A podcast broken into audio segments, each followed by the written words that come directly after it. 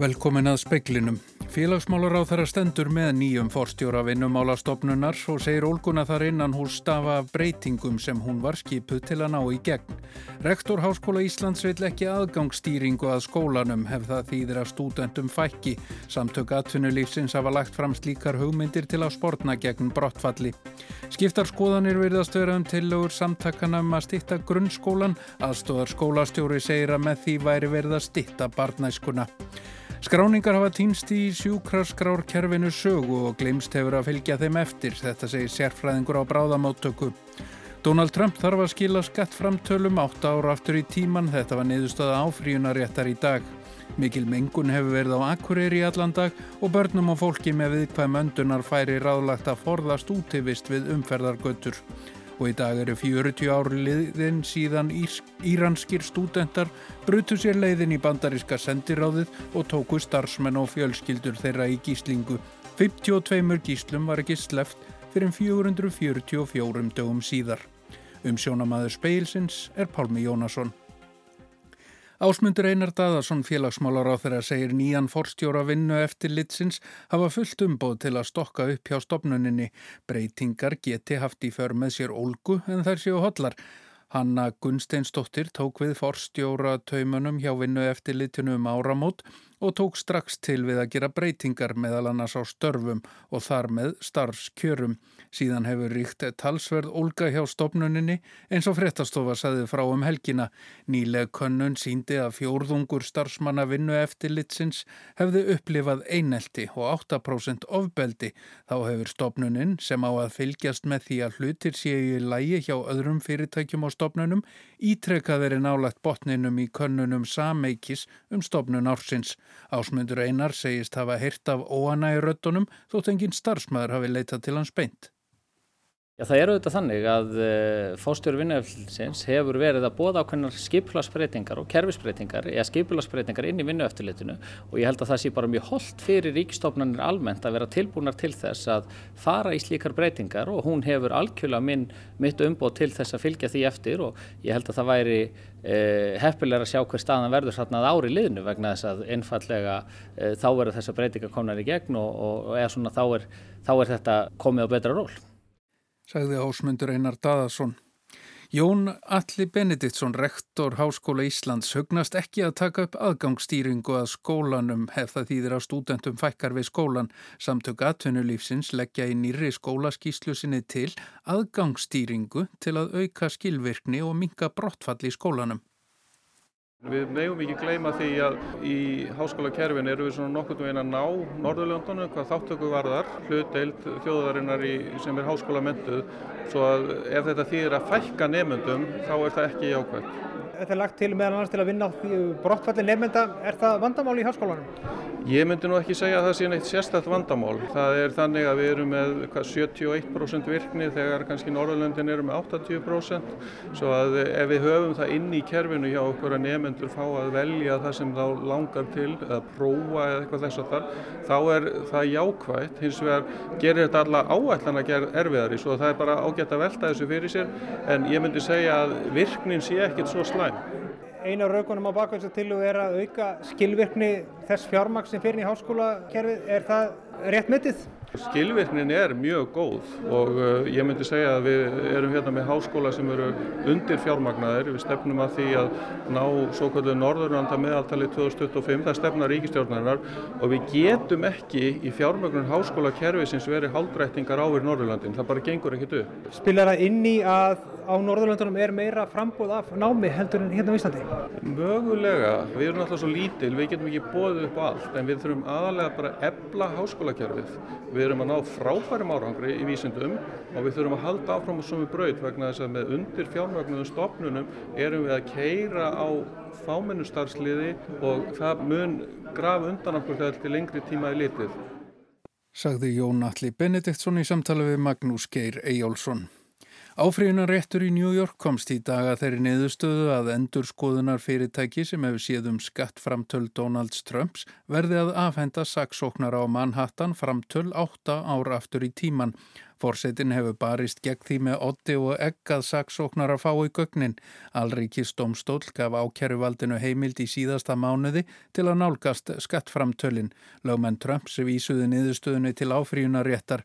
Saksóknari vil kanna hvort lög ríkisins hafi verið brotinn þegar Michael Cohen, fyrverandi lögmaður Trumps, hafði milligöngu um að greiða klámstjörnunni Stormi Daniels háar fjárhæðir fyrir að þeia yfir því að hún hefði átt vingott við Trump áður en hann var kjörinn fórseti. Sérfræðingur á bráðamóttöku segir að dæmi sér um að skráningar týnist í sjúkraskrárkerfinu sögu eða það kleimist að fylgja þeim eftir. Í sumargagrindi stjórn félags sjúkráslækna að 200 miljónum króna væri varið í sjúkraskrárkerfi sögu ári en landsbygglarinn leggja áherslu á þróun annars kerfis. Vinnuhópur um lausnir í sjúkraskrárkerfum á vegum embettis landlæknis hefur fundað einu sinni. Davíð Þórisson, sérfræðingur á bráðamóttöku sem er í vinnuhópnum, segir það framfara skref.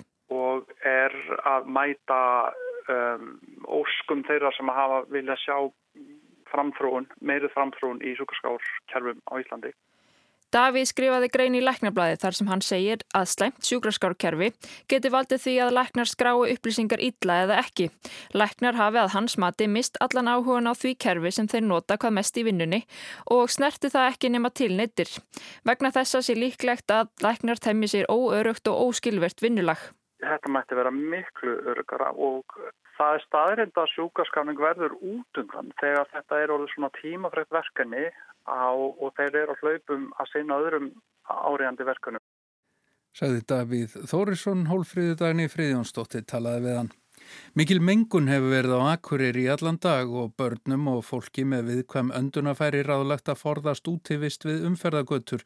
Sangvært mæli við strandgötu fóru gildi svifriks yfir 200 mikrogram á rúmmetra um þrjúleitið. Færið þau yfir 150 getur heilsu raust fólk fundi fyrir óþægindum. Andri Teitsson er formaður umhverfis og mannvirkjaraðs akkurirabæjar. Grunn ástæðan er náttúrulega að það er mjög hægur vindur og alveg þurft og vanalega er þetta aðstæður sem að við erum ána með en varðandi svifrikið er þetta óheppilegt og þetta svifrik sem að er á sveimi núna er ekki vegna hálkuvarnarefna því að það er lítið eða bara alls ekkert fyrir að nota þau í haust hins vegar er þetta þá sandur og rík sem að best upp á göttunum og er vantarlega tilkomið frá nagladekjum sem eru þó bara búin að vera í nokkra vikur undir bílunum. Sagði Andri Teitsson.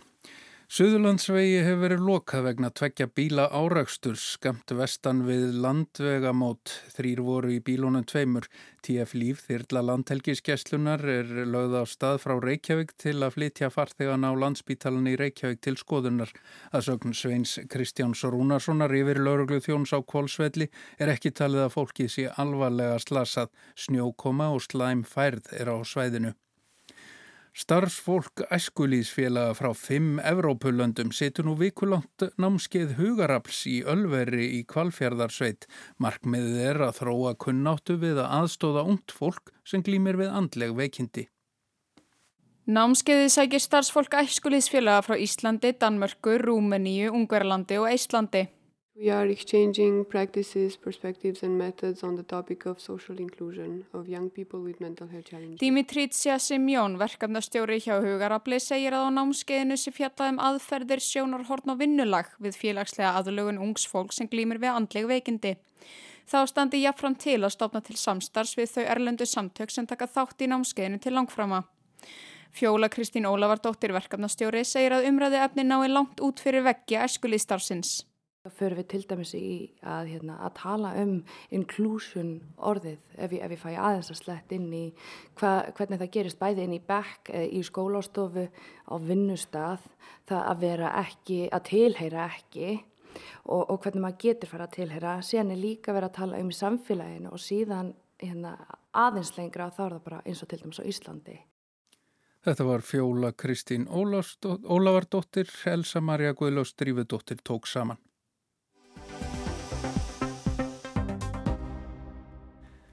Aðstóðar skólastjóri segir að það væri skerðing á lífsgæðum ef grunnskólinn erði stittur um eitt ár. Börn verði ári stittra börn ef þau fari fyrra á vinnumarkaðin. Formaði félags grunnskólakennara segir að tilugur um stittingu grunnskólan séu anstöðu við þá bylgu í samfélaginu að minka álag.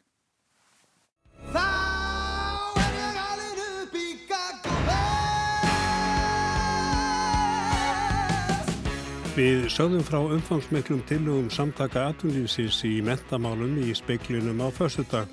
Það er lútað ímsum breytingum á öllum skólastígum sem eiga miðað því að efla námið og námsárangur. Hér á eftir ætlum við að líta á tillögu samtakana um að grunnskólinn sem nú er tíu ár veði stittur um eitt ár. Í hnótskurni verið að tala um að skólaárum verið fækkaði nýju með lengingu skólaársins.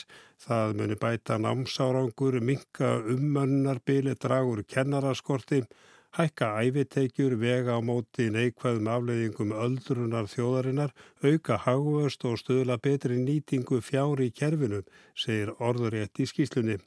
Davíð Þorláksson frá samtökum atvinnlýfsins kom að gerð skýslunar. Hann er bent í speiklunum á að bæta þyrti úr slökum árangri í písakönnunum og slagri færni unglinga í lestri.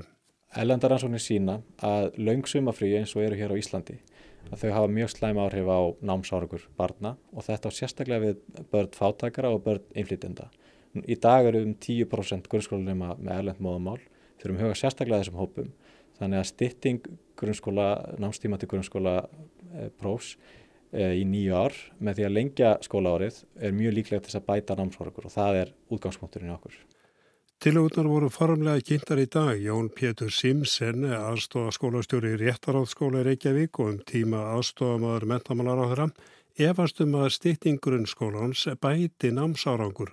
Ég sé ekki alveg að þú styttir eitthvað að þá getur við bætta um leið. Ég er alveg mín að skoðunar af því hvernig er þetta að bæta grunnskólan.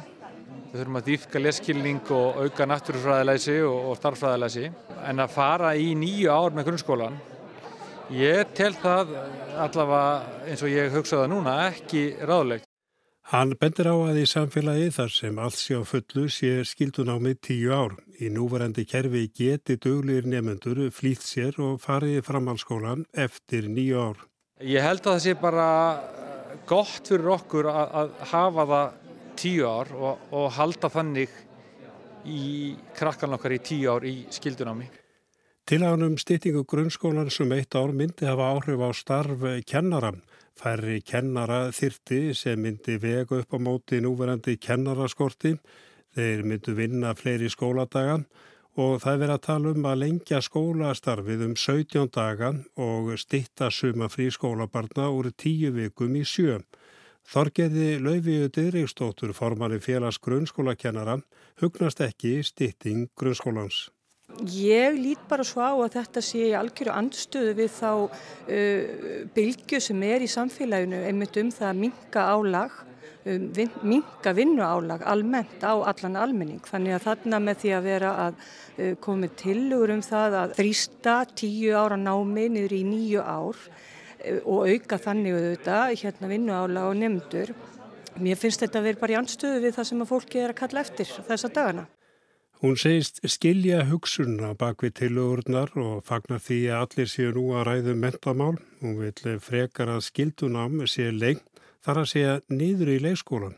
Því raunverulega erum við að horfa til þess að nemyndur og þá sérstaklega þeir nemyndur sem hér er verið að tala um sem standa höllum fæti, ég álít sem svo að þau myndu standa enn ver eftir ef við myndum stitta grunnskólanum eitt ár og þrýsta náminu niður í nýjár. Jón Pétur talar um að auka þurfi dýptina í náminu til að bæta námsárangur, margir geti flýtt námunum, en að flytja alla eftir nýju ári í framhalskóla þarnist rannsókna. Nú er brottfallið mikill, mun það ekki bara auka brottfallið. Ef einhverjar ákvarðin verður teknur af því að styrta grunnskólan þá þurfa að liggja mjög ígrundar og góða rannsóknum þar að bækja. Hann segir að með styrtingu skólans væri í raun verið að styrta barnaskuna. Já, ég til það bara skerðing og lífskeðum eh, að börn til dæmis bara út á landi þurfu bara að fara ári fyrr frá fóröldur sínum og börn verða bara ári stittra börn ef að þau fara fyrir út á vinnumarkaðin. Þetta er alltaf, alltaf, allt þetta reikna til einhvers svona þjóðartekna og, og alls konar þannig hluta en ég tel bara að það sem mikilvæg er að vera barnaðins lengur. Þorgeri laufi bindur miklar vonir við lög sem taka gildi nú um áramótin og hveð áum að eitt leifisbref kennara gildi fyrir öll skólastígin. Kennarar geti farið á milli skólastiga. Ég held að þetta sé sko líkillin að því að við séum að fara til framtíðar. Hún segir að skýstan sé bæði góð og áhaverð til dæmis er varði list og verknám. En við verðum að horfa það að sko badnæskan, þú treður ekki sko mat eh, með, með hérna múrskeiðun í bad sko, þú þarfst að gera þetta í skömmtun. Þetta þarf að vera gert á forsendum uh, þróska badnana. Þetta var Þorgerður Lauvei Didriksdóttir, Arnar Páll Haugsson tók saman.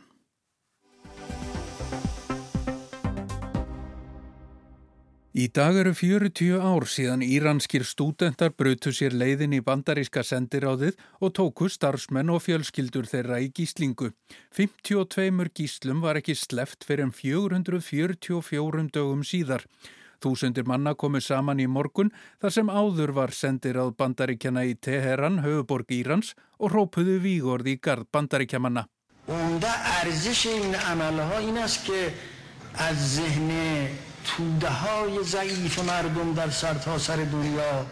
Ayatollah Khomeini var nýbúinn að taka völdin í Íran eftir að keisaranum Mohammad Reza Pahlavi var stift af stóli í februar 1979 Vesturveldin hafðu lengi ráðið lögum og lofum í Íran og óljöður landsinn skiptið þar mestu.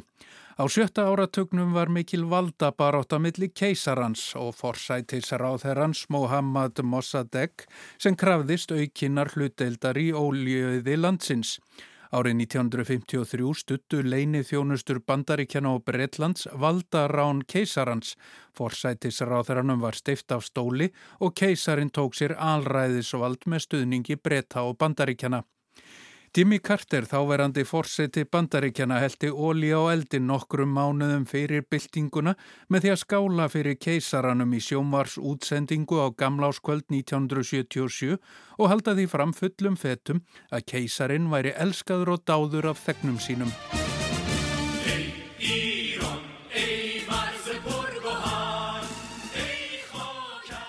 Khomeini tók völdin í februar 1979 og starfsmönum bandarískar sendiráðsins var fækkað úr næri 1000 í 60. Sendiráði lág undir stöðugu grjótkasti og venjulegu gleri í rúðum var skipt út fyrir skothelt gler. Keisarin hafði flúið land í janúar 1979 en 22. oktober fekk hann að fara til bandaríkjana til að leita sér lækninga vegna krabbameins. Jimmy Carter og bandarisk stjórnvöld neituða að framselja hann til Írans. Margir töldu fullvíst að bandaríkjaman væru að undibúa nýtt valdarán og Khomeini talaði um bandaríkin sem hinn mikla satan sem sætið svikráðum við þjóðina. Nokkrun dögun síðar réðust íranskir stúdendar inn í sendiráðið og tóku starfsmenn þess og fjölskyldur þeirra. Ein af hugmyndum þeirra var að fá keisaran framseldan í skiptum fyrir gíslana, önnur að koma í vekk fyrir gagnbyltingu með stuðningi bandaríkjana. Gíslatakan var sjálfsbrottin og átti upphálega bara að vera tímabundin og tákgræn aðgerð. Komenni var ansnúin henni í fyrstu en snýrist fljótlega á sveif með gíslatöku hopnum. Gíslatakan samenaði þjóðina og ný stjórnarskrá var samþygt í þjóðaratkvæðið greiðslu í desember sem kom á klerkaveldi í landinu. Í april 1980 fyrirskipaði Jimmy Carter hernaðaraðgerðina Arnarkló sem átti að bjarga gíslunum. Allt fór úrskeiðis, þyrlur lendu í sandstormum og byluð á dölafullan hátt. Einn Írani lést í aðgerðunum og áttabandaríkjaman fórust í þyrluslýsi. Khomeini þakkaði guðlagri forsjón og vinsældir hans jökust verulega en hófsum öll í landinu mistu móðin. Vinsældir Carters minguðu verulega og líkur á endurkjöru um haustið fóru þverrandi. Jimmy Carter samþykti hvað eftir annað tilugur hátsettra íranskra embættismanna um lausn gíslamálsins með niðurlægandi skilirðum en Khomeini hafnaði öllum samningum á síðustu stundu. Ronald Reagan sigraði Jimmy Carter með fádæma yfirbörðum í forsetakostningunum 4. november nákvæmlega einu ári eftir gíslatökuna. I, Ronald Reagan, do solemnly swear that I will faithfully execute the office of President of the United States. That I will faithfully execute the office of President of the United States. Ronald Reagan sór embættis eð 20. janúar 1981. Jimmy Carter hafði vonast til þess að taka á móti gíslunum í forsetatíð sinni, svo fór þó ekki. Gíslunum var sleft eftir að Reagan var orðin forseti og raunar á sömu mínótu og hann lauk innsetningaræðunni. Allskins samsæriskenningar eru tilvarðandi þá tímasetningu en það var nýkjörinn forseti bandaríkjana sem gatt fært þjóðinni gleði tíðindin. Some 30 minutes ago, the planes bearing our prisoners left Iranian airspace and are now free of Iran. Engin einstakur atburður átti eins mikinn þátt í falli Jimmy Carters og gíslatakan í Teheran. Tilraunir hans til lausnar málsins er eindust árangurslausar og það var með brostinni röttu sem fyrverandi fórseti bandaríkjana Jimmy Carter tilkynnti um komu gíslana 52. The aircraft carrying the 52 American hostages had cleared Iranian airspace on the first, first leg of a journey home Sama ár og gíslónum var sleft hófst áralangt stríð Írans og Íraks en þar stuttu bandaríkjaman Írak gegn fornum samherjum í Íran. Gíslatakan styrti Khomeini í sessi og anstaði við hann var brotin á bakkaftur. Algjör fjandskapur hefur ríkt milli bandaríkjana og Írans síðan. Bandaríkin eru hinn mikli satan og Íran er öksulveldi hinn sítla. Ástandið hefur sjaldan verið verra en einmitt nú sem stafar ekki síst af þeirri ákvörðun Donalds Trumps bandaríkja fórsetta í fyrra að snúa baki við kjarnorku samningi Stórveldana og Írans frá 2015 og innleiða nýjar refsiaðgerði gegn landinu. Vegna refsi aðgerðana hefur óljuframleðsla Írana að mestu stöðvast en markmið bandaríkja manna með refsi aðgerðum er að reyna knýja þá til að semja upp á nýtt. Ali Khamenei, erkiklerkur aðstur valdamanna í Íran, ítrekkaði í gær að Íranar og bandaríkjamenn væru svarnir óvinnir og að ekki kemi til greina að ræða við þá nema að ráðamenn í Washington samþyktu kjarnorku samningin að nýju og afléttu refsi aðgerðum gegn Íran.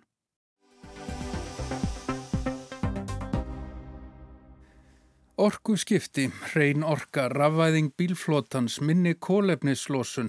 Þetta verðast bæði góð og þörf verkefni, bráðnöðsilega jafnvel til að stemma stigu við þeim ógnvænlegu loftlagsbreytingum sem þegar eru farnar að eiga sér stað. En þótt orkan sé endur nýjanleg eða eigi að vera það, þá er ekki sömu sögu að segja um alla þá sjálfgjafu málma sem eru notaðir til að framleiða rafbíla, sólaraflöður og vindmilur. Vinsla málmana er orku frek og getur valdið mengun og alvarlegum umhverfispjöllum. Kári Gilvason í Gautaborg tekur nú við. Frá með árunni 2025 eiga allir bílar frá sænska bílaframleðandunum Volvo að vera með ramagsmótor. Þessi misseri rýsa gríðarstór vindorkuver víða hér í Svíþjóð og sænska ríkið tók upp á því fyrir nokkru að niður greiða ramagsjól og sólarraflöður sem hægt er að setja á hústök. Allt þetta vonast fólk til að drægi úr koldvísýringslosun og vinni gegn því sem margir líta á sem stærstu ógn vorra tíma loftslagsbreytingunum. En ný tækni kallar ofta á ný ráefni og síðustu ár hafa svo kallaðir sjaldgæfir málmar orðið æg mikilvægari og dýrari. Þessir málmar sem heita framandin öfnum á borð við vanadín, gallín og lútenín eru ein forsenda orkuskipta. Málmannir eru nöðsilegir fyrir sólaraflöður, rafbíla, vindmilur og margt, margt fleira. Hér í Svíþjóð er mikið af þessum sjálfgefu málmum. Í Svíþjóð er mikið um málma í jörðu almennt og rík hefð fyrir námavinnslu allt aftur til vikingaldar. Og nú er jafnvel talið að í Svíþjóð séð finna einhverjar mestu vanadín námur í heimi. Vanadín er málmur sem meðal annars er notaður í batteri og sem íblöndunarefni í stál. Fram til þessa hefur málmurinn aðlega verið unnin úr jörðu í austanverðu Rúslandi, norðaustur Kína og söður Afríku. En vanadín hefur hækkað mjög í verði og nú hefur brest fyrirtæki fengið rannsóknarleifi í söður Svíþjóð til að leita að vanadíni en líka syngi, gulli og silfri, kopar og járni. Svæðið sem á rannsaka kallast Österlen og er þekkt fyrir mikla náttúrufegurð. Forsvarsmenn fyrirtækisins Skandi Vanadíum segja að fyrirhuguð námavinnsla eigi ekki að valda miklum skaða á umhverfinu og aukþess sé það bráðu nöðsilegt að vinna málminn til að auðvelda orkuskipti. Íbúarnir eru ekki jafn spendir fyrir námavinnslunni. Þeir segja matvælaframlegslu mikilvægari en námavinnslu sem aukþess kunni að ógna mikilvægum vassbólum. Bændur, stjórnmálamenn, greifar, nunnur, allir virðast vera á móti fyrirhugaðri námavinnslu en einhvað síður hefur fyrirtækið fengið rannsóknarleifi á sveiðinu. Víða annar staðir í mið og söður svíþjóð eru gamlar námur sem teknar hafa verið úr nótkun en nú horfa menn hýru auga til þeirra en það er í sumum þeirra verulegt magn sjálfgefra málma. Og þótt koparinn, gullið eða silfrið hafi verið nöminn úr námunum má þar finna málma sem verða sífælt verðmættari. Sjálfgefa málma er einnið að finna í úrgangi frá námavinnslu í hinnum gríðarmiklu járngrítistnámum í Kíruna, nýrst í Svíþjóð. Námafélag Sænska ríkisins áformar nú að fara að vinna þessa sjálfgefu en verðmættu málma úr úrganginum. Það er þó mjög umdeilt að hefja aftur námavinnslu í gömlum námum. Náttúrvendarsamtök og sveitarfjölug víða eru full efasemda og óttast að áformin ógni náttúruvendarsvæðum og vassbólum. Námavinnsla sem þessi veldur nefnileg ekki bara ytri skada á náttúrunni, skada vegna þess að jörðir grafin upp eða boraði hana. Hún er líka orkufreg og mjög mengandi vegna þess hvað þessir sjálfgefu málmar eru í litlu magni í jörðinni. Þannig þarf til dæmis að brjóta 8,5 tonn af bergi til að vinna 1 kíló af vanadíni og 12.500 tonn til að vinna kíló af lúteníni. Því verður til mikill úrgangur við námavinnsluna og stundum er hann blandaður þungmálmum eða jafnvel geyslavirkum efnum sem hætta er á að komist út í umhverfið. Hér í Svíþjóð telja einhvað síður margir að það sé þó skarra að vinna málmanna í Svíþjóð þar sem til staðar eru reglur um náttúruvend, mengunartakmarkanir og vinnuvernd heldurinn í Kína sérstaklega eftir umfjöllun útvarþáttarins Prílarnas Prís í sænska ríkisútvarminu. Fréttamaður þáttarins gerði sér ferð til norðaustur Kína þar sem gríðarlegt magn sjálfgefra málma er unnið úr jörðu. Sangat því sem hann komst að hefur námavinslan valdið gríðarlegri mengun og eigðileggingu. Hættuleg efni, sum geyslavirk, hafa komist út í umhverfið, eigðilagt rektorlönd, mengað brunna og, að þér talið er, valdi því að fólk veiktist af krabbaminni. Um 85% heimsframleyslu á sjálfgefum málmum er í Kína.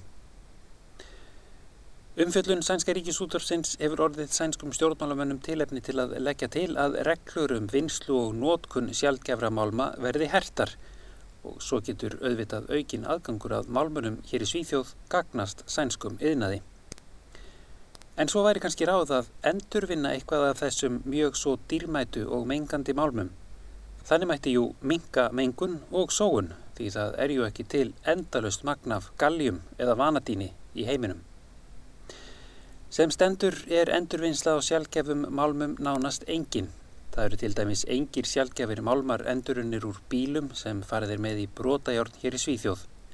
Eins og sænska ríkisútvarpið bendir á er engin krafa í lögum um að málmannir séu endurunir og það er einfallega miklu ódýrara að kaupa þá bara frá Kína. Kári Gilvason, Gautaborg. Í speiklunum var þetta helst. Félagsmálar á þeirra stendur með nýjum forstjóra vinnumálastofnunar og segir Olguna þar innan hús stafa af breytingum sem hún var skipuð til að ná fram. Rektor Háskóla Íslands vill ekki aðgangsstýringu að skólanum ef það þýðir að stúdentum fækki. Samtöku aðtunulífsins hafa lagt fram slíkar hugmyndir til að spórna gegn brottfalli. Skiptarskoðanir virðast vera um tilugur samtakanum að stitta grunnskólan. Aðstóðar skólastjóri segir að með því væri verið að stitta barnæskuna. Skráningar hafa týnst í sjúkraskrárkerfinu sögu og glimst hefur að fylgja þeim eftir. Þetta segir sérfræðingur á bráðamöttöku. Donald Trump þarf að skila skatt framtölum 8 ára aftur í tíman. Þetta var niðurstöða áfríunar réttar í dag. Mikil mengun hefur verið á akkurir í allan dag og börnum og fólki með viðkvæm öndunafæri ráðlagt að forðast útivist við umferðargötu. Og í dag eru 40 ár síðan íranskir stúdentar brötu sér leiðin í bandaríska sendiráðið og tóku starfsmenn og fjölskyldur þeirra í gíslingu. 52 gíslum var ekki sleft fyrir 444 dögum síðar. Það er ekki fleira í speiklinum, tæknum aður í útsendingu var Mark Eldredd, verðið sæl.